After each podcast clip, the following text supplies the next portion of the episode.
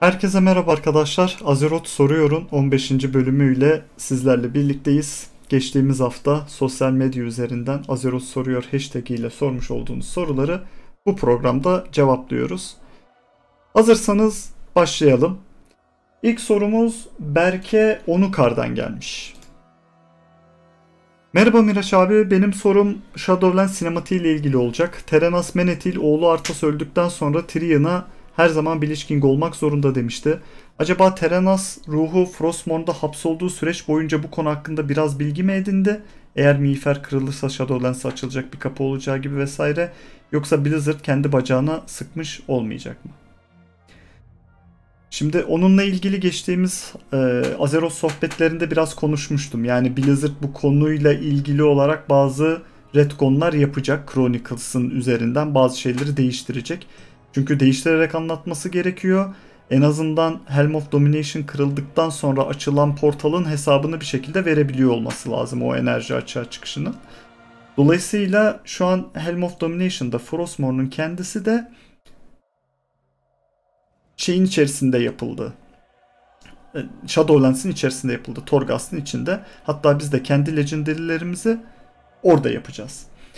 Şimdi soruna gelecek olursak Frostmourne'un Lich King'in gücüyle alakalı kısmında çok çok fazla bir Lich King gücüne etkisi yok.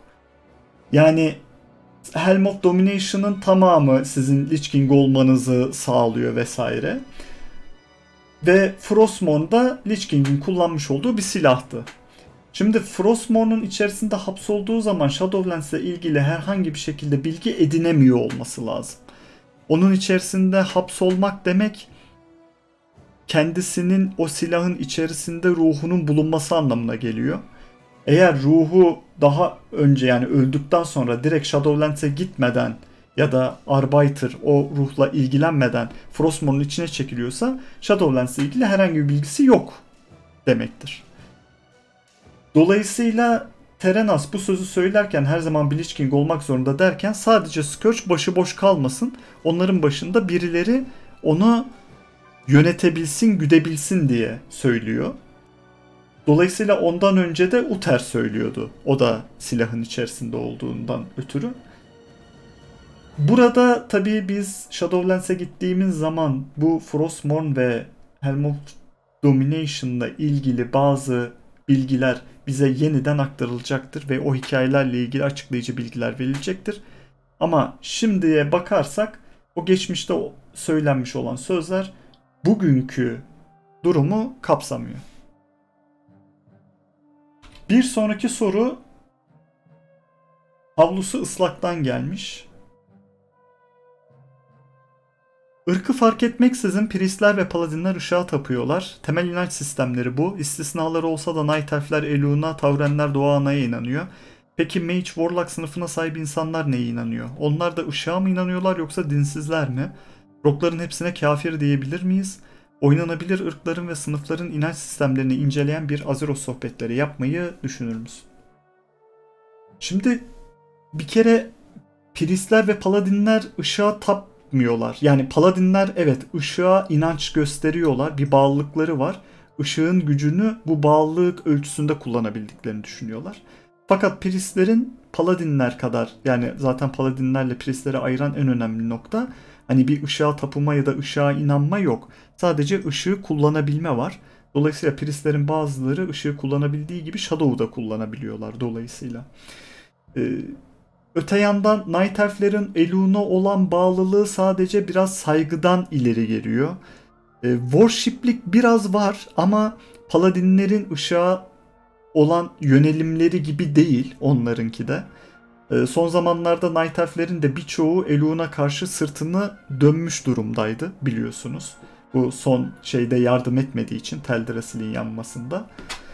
E, Taurenlerin de doğa anaya inanması yani onların da o inanışları gene Azeroth'a olan saygıdan ötürü yani doğaya olan bir saygıdan ötürü bir tapınma anlamında değil. Dolayısıyla yani bu oyunda World of Warcraft'ta böyle bir din teması ve o dine göre yapması gereken yani bizim dünyamızdaki din anlayışına göre konuşuyorum. Ee, öyle bir durum zaten yok. Sadece işte bizim dine bağlı durum ya da o dine çok fazla kafayı takıp da hani onun yobazı olma gibi bir durum paladinlere mahsus bir şey olabilir. Ee, onlar da dediğim gibi ışığı kullanmak için gerekli gördükleri gücü o ışığa ne kadar çok inanırlarsa o zaman gördüklerini e, söylüyorlar. Fakat bunların dediğim gibi hepsinin kendilerine ait inandıkları bir şey olabilir. Yani role playlerinde böyle bir şey olabilir. O yüzden hani belli bir sınıfa kafir yani kafir değil de inancı herhangi bir şeye inancı yoktur diyemeyiz. Dolayısıyla rocklar için falan da bu söylenemez. E, oynanabilir ırkları ve sınıfların inanç sistemlerini inceleyen bir Azure sohbetleri yapmayı yani dediğim gibi bir inanç sistemine eğer bir şey oturturlarsa ve bunun üzerine bir şey yaparlarsa tabii Azure sohbetlerinde ele alabiliriz ama şu anki haliyle sanki tek tek ayrı ayrı ele alıp mesela Elun nedir? Belki onu anlatabiliriz bir Azeroth sohbetlerinde ve neden Night Elf'ler Elun'a olan bağlılıklarını gösteriyorlar ve bu bağlılık ne demek onu söyleyebiliriz ama hani böyle genel geçer bir inanç sistemi olmadığı için bu oyunda öyle bir şey yapmayı düşünmüyorum açıkçası. Bir sonraki soru Carnarvor'dan gelmiş. Merhaba, oyuna başladığımdan beri hep normal sunucularda oynadım. Oyunu oynarken RP yapmayı seviyorum ve hoşuma gidiyor. Hiç RP sunucusunda oynamadım. Bir karakter açmayı düşünüyorum fakat şu olaydan biraz çekiniyorum. Normal sunucularda oynadığım farm ve grind zevkini alabilir miyim RP sunucularında da? Şimdi şöyle e, RP yapmayı seviyorsan kesinlikle RP sunucusunda en azından yani bütün WoW oyuncularına söylüyorum. Hayatınızda bir kere RP sunucusunda oynayın. Hani gerçekten çok farklı bir deneyim oluyor. Fakat RP sunucusunda oynamanın gameplay'iniz anlamında uzaktan yakından herhangi bir etkisi yok. Sadece RP sunucusunda genel geçer bazı kurallar var oyuncular arasında. Bunlar biraz yazılı olmayan kurallar.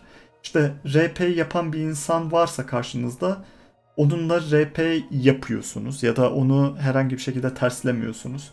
Server'a ayak uyduruyorsunuz. Anlatmak istediğim bu. Başkaları RP yapıyorken onların RP'lerini bozmaya çalışmıyorsunuz. Ee, dolayısıyla role play yap yani RP de bu arada role play demek yani karakterinizin gözünden sanki sizmişsiniz gibi oynamak.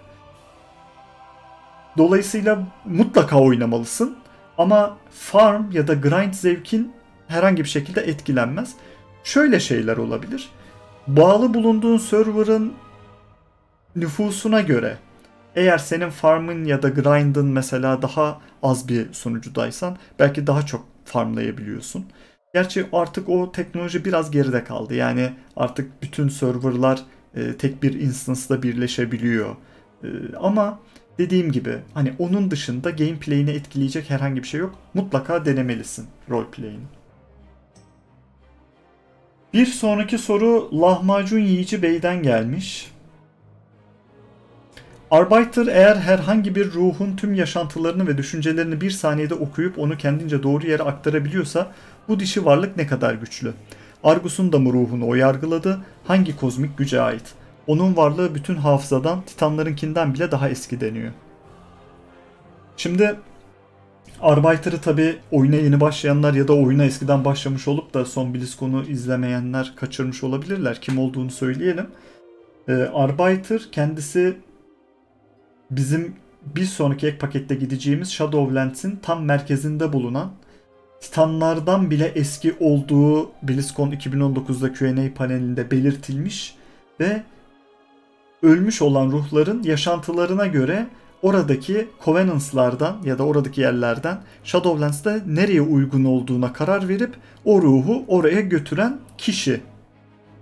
Kendisi bir she yani dişi. Ee, öyle tasvir ediliyor ve tanımlanıyor. Gücünü bilemiyoruz. Yani ben şu an ne desem yalan olur onun gücüyle ilgili. Fakat hani biraz felsefik yaklaşacak olursak bu konuya başka bir gücün altında bir güç olma olasılığı yüksek. Yani kendi karar verip de bunu uyguluyor mu yoksa kendi karar vermiyor başkasının vermiş olduğu kararı mı uyguluyor? Ee, bunu düşünecek olursak hani bunu biraz bir melek kavramı ve e, tanrı kavramı üzerinden değerlendirecek olursak mesela onun üzerinde başka bir güç de olabilir. Fakat Titanlardan bile daha evvel olmuş olan bir güçten bahsediyorsak burada Titanlardan daha güçlü olma ihtimali de mevcut bunun. Fakat şu an bir dengesizlik var Shadowlands'te ve Jailer bütün ruhları Arbiter'dan önce MOV'a doldurabiliyor. Zaten biz bunu çözmeye gidiyoruz. Çok büyük bir ihtimalle Shadowlands'e ve son boss'u da Jailer olacak Shadowlands'ın. Dolayısıyla Arbiter'ın gücünü Jailer eğer bir şekilde sönümlendirebiliyorsa o zaman onların güçleri arasında bir denge yani ne kadar büyük bir güç olduğuna bakabiliriz. Şimdi Argus'un da mı ruhunu o yargıladı? Bildiğim kadarıyla Arbiter şu an sadece ölümlülerin ruhlarını değerlendirip de nereye gidebileceği yani mortalların. Ama titanlarla ilgili öyle bir şey var mı bilmiyorum. Ee, benim kaçırdığım bir nokta olabilir eğer bir Blue Post ya da bir röportaj yayınlanmadıysa. Ee, dolayısıyla o bir spekülasyon olabilir. Argus'un da ruhunu yargılayıp yargılamadığını. Ee, hangi kozmik güce ait? Titanlardan bile eski ise bence Azeroth evrenini oluşturan 6 kozmik gücün hepsinden birer parçada taşıyor olabilir. Düşünüldüğü zaman Death, Arcane, Order, Fel, Void ve Light'ın hepsini kendi içerisinde barındırabilir. Çünkü ee, Shadowlands'te başka gezegenlerden ya da Azeroth dışındaki başka ölümlülerin de oraya gidebildiğiyle ilgili bilgimiz var. Demosu oynandığında Bastion'da Azeroth dışındaki varlıkların da oraya ölerek gittiğini görüyoruz. Onlar eğer bilmediğimiz varlıklar bu varlıklar bizim bildiğimiz o altı kozmik güçten herhangi birine mensupsa ve Arbiter onları alıp bir yere yerleştirebiliyorsa o zaman o da o güçlere sahip demektir. Soru güzel soru ama ileride öğreneceğimiz çok şey var Arbiter ile ilgili ben böyle düşünüyorum. Bir sonraki soru Çağrı Ulutürk'ten gelmiş. Selamlar Exolinas. Benim iki sorum var. Birinci sorum e, Sylvanas'ın Shadowlands ile ilgili planları acaba Arthas ilişki zamanına dayanıyor olabilir mi? Detin efendisi olduktan sonra kendisini öldüren, köle yapan ve yıllarca işkence ile bezdiren Arthas'ı kendi kölesi yapmak ve gerçek anlamda intikam almak Sylvanas'ın esas amacı olabilir mi? Sonuçta Detin yüksek rütbeli yetkilisi ya da tek yetkilisi olmak, ölen herkesin de efendisi olmak değil mi? İkinci sorum ise ilkine bağlı olarak bugüne kadar öldürmek için uğraştığımız veya öldüğü için altlar yaktığımız herkes artık Death'in bir askeri mi oluyor? Deathwing, Arthas, Vol'jin hatta Saurfang bizim karşımıza bir Death askeri olarak çıkabilir mi? Saurfang'in bir düşman askeri olarak karşıma çıkmasını kaldıramam. Kendimi Mount Hyjal'ın tepesinden atarım. İyi yayınlar dilerim. Sevgiler demiş. Şimdi ilk soru e, Silvanas bence Artas'ı çoktan geride bırakmıştır. Yani Artas'la olan hıncı ya da Artas'a olan intikam ateşi Artas öldükten sonra Lich King olarak söndüğü için ve herhangi bir yaşam amacı kalmadığı için zaten intihar etti ve bu Valkyrie'lerle yapılan anlaşma ve o zamandan beri Jailer'la da bir anlaşma yaptığı rivayet ediliyor. O anlaşmalara vesile oldu. Dolayısıyla onun artık Det'in efendisi olma isteğinin nedeni Arthas değil. Yani Arthas da tabii bir etkisi olabilir bunun. Ama sadece Arthas değil. Artık kendisinin öyle bir güce sahip olması ki ne bir daha ölüp o cehennemi yeniden yaşamak zorunda kalması ne de bundan önce kendisine yapılanları, kendisine reva görülenleri bir nasıl diyeyim? Yani onların da bir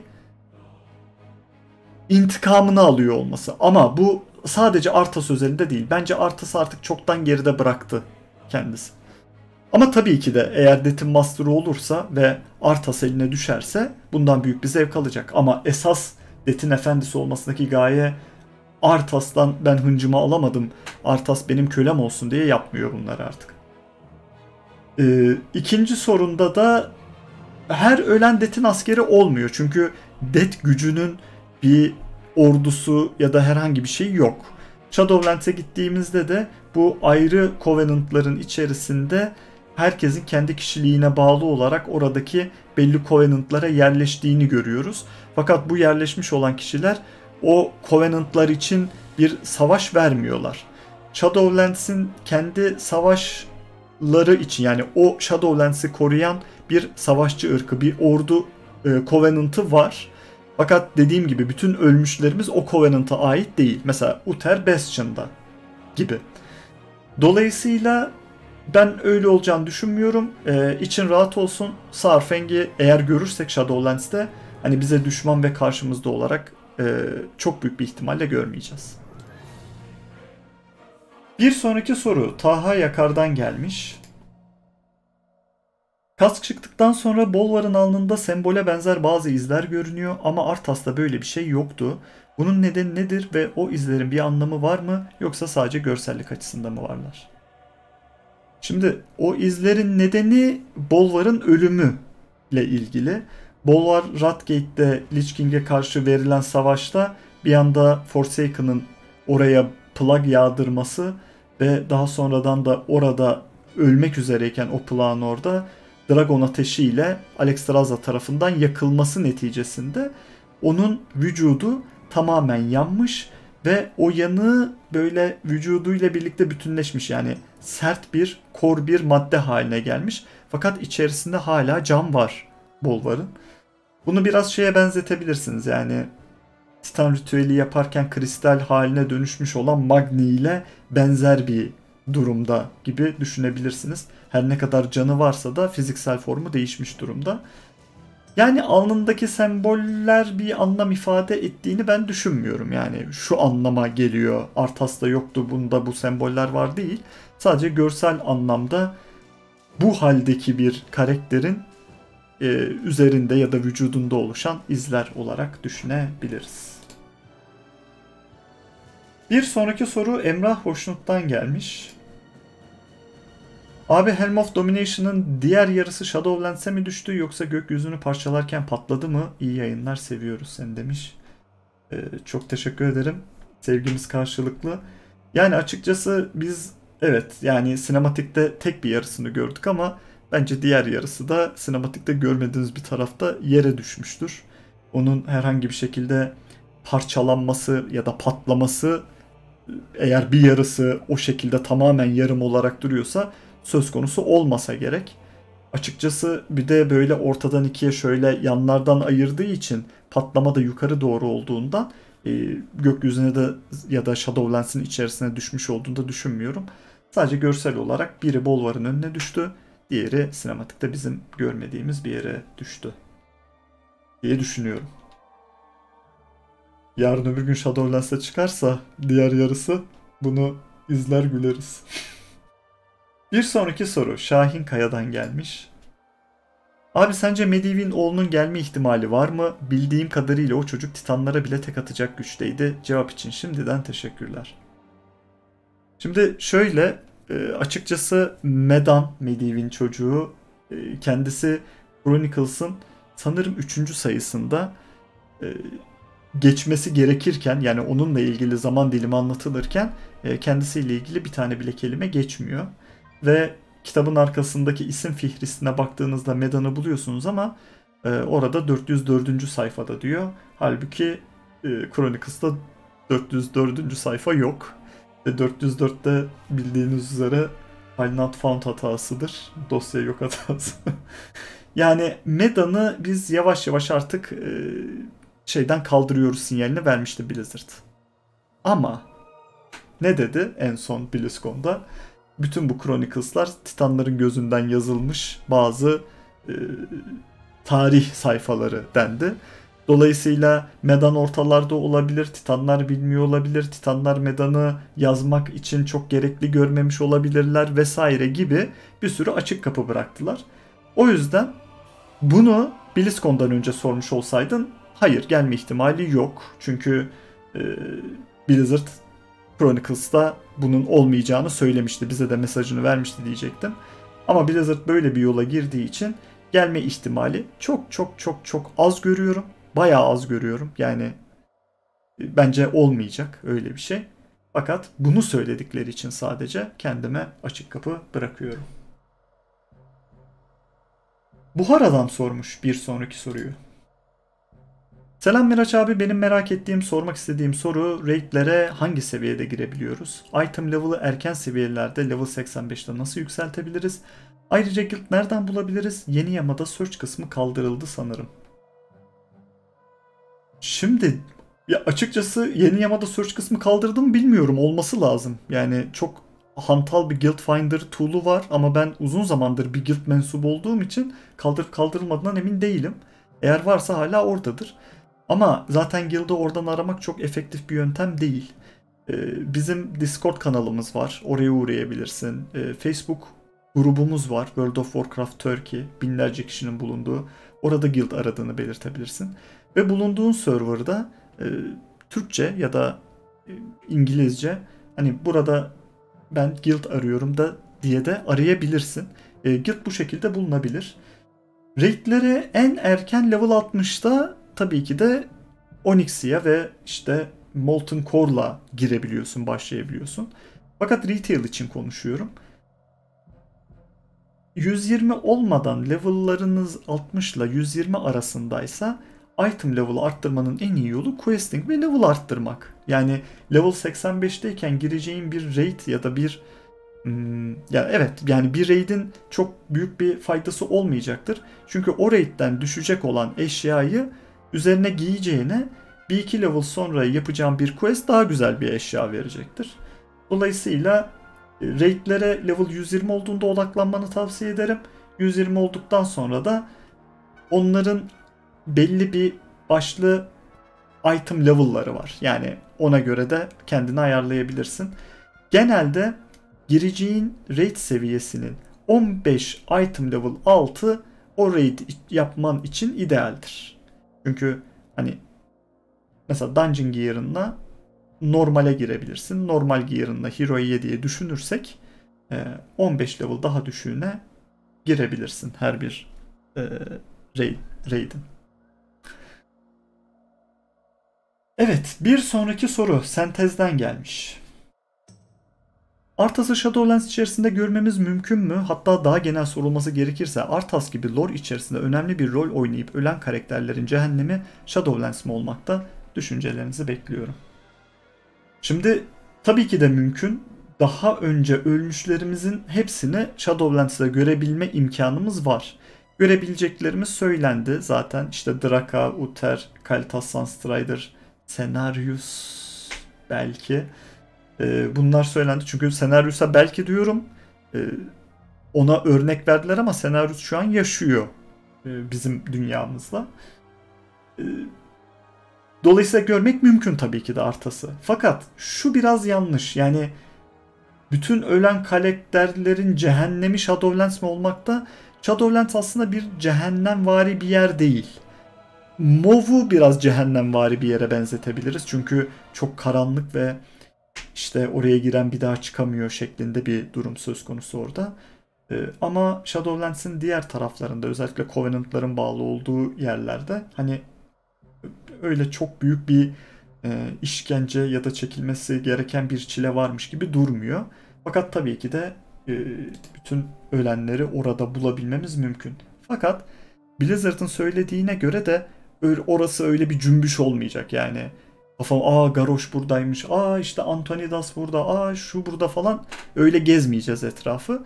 Fakat geçmişte ölmüş olan kişilerle ilgili bazı ipuçları, bazı hikayeler ya da bazı böyle güzel bizi gülümsetebilecek ki ben mesela şeyi merak ediyorum. E, Teramor'da kaybetmiş olduğu e, Nom asistanı mesela orada görebilme ihtimalimiz olabilir. Ama böyle bir ünlüler geçidi gibi, kırmızı halı gibi olmayacak orası. Bir sonraki soru Engin Bilir'den gelmiş. Öncelikle merhaba. Bu yayını ve videoyu izledikten sonra bir takım sorular geliyor aklıma. Kesinlikle Sylvanas'a aşığı değilim. Daha önceki yayınlarında hep Sylvanas'ı eğer iyi bir karakter olarak karşımıza çıkartırlarsa hoş olmaz diye defalarca belirtmiştin. Seninle aynı düşünceyi paylaşıyoruz. Lakin konu Amerika merkezli bir oyun olduğu için Amerika'nın böyle kurgularda kötüleri daha sonra iyi göstermek gibi bir politikası var. Ben şimdi bizim gerçekten Titanların oyuncakları olduğumuz ve Sylvanas'ın bu uğurda hepimizi asıl gerçekliğe yani Shadowlands'e götürmeye kendini adadığı gibi bir düşünceye sahip olmaya başladım. Ki kendi ırkını katlederek onun düşündüğü gerçekliğe hızlı bir geçiş yapmalarını sağladı. Sylvanas karşımıza iyi olarak çıkacak ama biz bunu anlayacak mıyız? Orası şüpheli. Sen ne düşünüyorsun? Şimdi ben Sylvanas'la ilgili ne zaman ağzımı açsam tabi Sylvanas'ı sevenler ya da e, Sylvanas'ı sevmeyip de benim Sylvanas'a karşı biraz böyle şey olduğum düşünenler var. İşte ön yargılı yaklaştığım düşünenler var.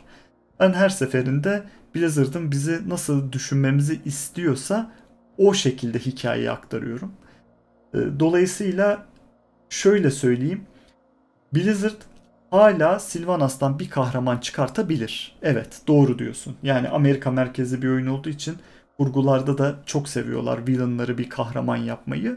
Ee, Sylvanas da böyle olabilir. Tabii ki de olabilir.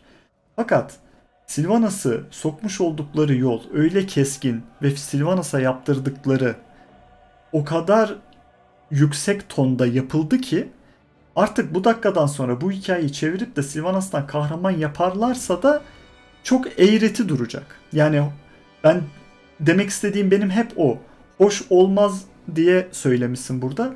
Benim hoş olmaması tabii ki de Sylvanas gibi bir karakterin heba edilmemesi, onu sevenlerinin üzülmemesi, Warcraft'ın hikayesini sevenler için de önemli. Benim için de önemli. Yani ben de seviyorum canım Sylvanas'ı.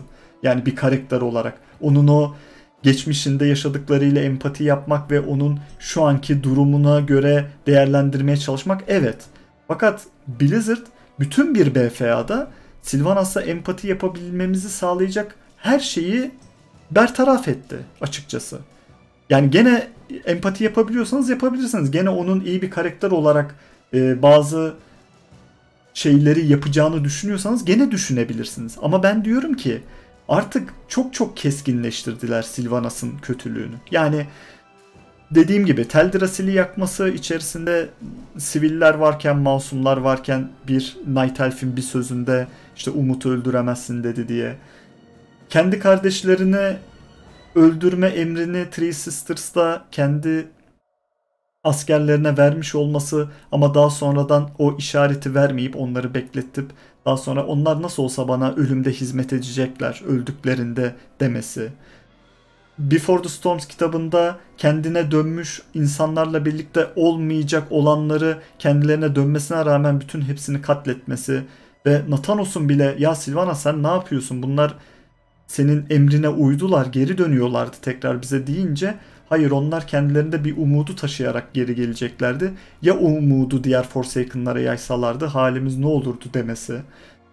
Ee, Saurfang'i ki Saurfang'i Hort'ta yani Alliance'dan daha çok bağlanan, sahiplenen Hort'un onun bir evlat acısı çeken bir baba olmasına empati yapabilen insanların Sylvanas'ın ona karşı söylediği istersen ben seni oğlunun yanına gönderebilirim. Öldüğünde oğlunla konuşursun ya da e, sen istersen savaş meydanında öl yine benim yanımda savaşmaya devam edebilirsin seni bir e, undead olarak diriltirsem gibi hiç böyle uzaktan yakından söylenmeyecek lafları söylemesi. Derek Proudmoore'u kendi şeyi dışında iradesi dışında yeniden undead olarak diriltmesi ve onları Proudmoore ailesinin üstüne salmak için onun özgür iradesini ondan almaya çalışması. Bane Bloodhoof'u hapsetmesi ve onu ölüme mahkum etmesi. Yani bu kadar hikayede olan şeyler bunlar. Bunları ben uydurmuyorum. Ve bundan sonra da Sylvanas ama bunların hepsini bizim iyiliğimiz için yapmıştı diyorlarsa bunu BFA'nın sonunda ya da Shadowlands'in başında demeliydi. Fakat görüyoruz ki Sylvanas hala Jailer denen ve belki de Shadowlands'in ya da bütün bir kozmolojinin kötülüğünü isteyen bir karakterin yanında olarak görüyoruz. Hepimizi Shadowlands'e gönderiyor ama kimsenin çıkamayacağı bir yere gönderiyor. Nasıl özgürleştirme bu onu da bilmiyorum. Ve bize söylenen Sylvanas'la ilgili söylenmiş olan şeylerden sonra mesela BlizzCon'da yapılmış olan röportajlara baktığımızda onun hala daha Jailer'ın yanında olduğu ve Jailer ne derse onu yaptığıyla ilgili bazı şeyler anlatılıyor hikayede. Şimdi bu kadar bir şeyin üzerine daha sonradan ne olabilir de Sylvanas tekrardan bizim gözümüzde bir kahraman olur. Yapabilirler bir şey. Mesela şöyle bir şey olabilir. Evet e, biz Shadowlands'e gitmeseydik ve Jailer'ı durdurmasaydık işte mesela bütün her şey yok olacaktı. O yüzden Sylvanas bizi Jailer'a götürdü. Bizim Jailer'a gitmemize sebebiyet verdi. Fakat giderkenki durumumuz da çok normal değil. Yani demek istediğim şu. Evet yapılabilir böyle bir şey. Ve Sylvanas kahraman ilan edilebilir. Fakat bu artık hikaye nasıl işlenecek ve bu Sylvanas'ın kahramanlığı bize nasıl gösterilecek ya da biz onu hissedebilecek miyiz dediğin gibi bilmiyorum. Orası biraz şüpheli. Ama umarım artık böyle bir şeyi yapmaya yeltenmez Blizzard'da açıkçası. Yani bu kadar bu karakteri uçlara taşıdıktan sonra o karakterden ama sizin bilmediğiniz bu kahramanlığı yapıyordu Sylvanas. Aslında bunun içindi dedir, dedirtecek şeyin gerçekten bizim içimize sinecek bir şey olması lazım. Yoksa çok çok çiğ kalır ve havada kalır. Durum bundan ibaret. Bu arada bununla ilgili bir şey daha söylemek istiyorum arkadaşlar. Dediğim gibi ben Sylvanas düşmanı değilim. Sylvanas karakterini en az sizin kadar ben de seviyorum. Ben hiçbir şekilde Sylvanas'a ön yargılı bakmıyorum. Bugüne kadar hatta Sylvanas'ın benim ilk videoma bakın. Yani Azeroth sohbetlerinde ilk Sylvanas'ı anlattığım zamana bakın. O zaman bize anlatılan hikayeye göre Sylvanas'ı değerlendiriyordum. Şu an bize anlatılan hikayeye göre Sylvanas'ı değerlendiriyorum. Bazı gerçekleri bildikten sonra o bilgiler ışığında yorum yapmamam zaten tuhaf olur. Dolayısıyla ne sevenleri ne sevmeyenleri bana gücenmesinler. Dediğim gibi Blizzard'ın anlattığı hikaye bu. Umarım Sylvanas bir kahraman olacaksa da ben o kahramanlığı bugün de kabul ederim. Ama bugüne kadar yapmış olduğu uç işlerinde empatisini yapabilecek şekilde bir artık o nasıl olacak bilmiyorum çünkü bayağı sınırları aştı.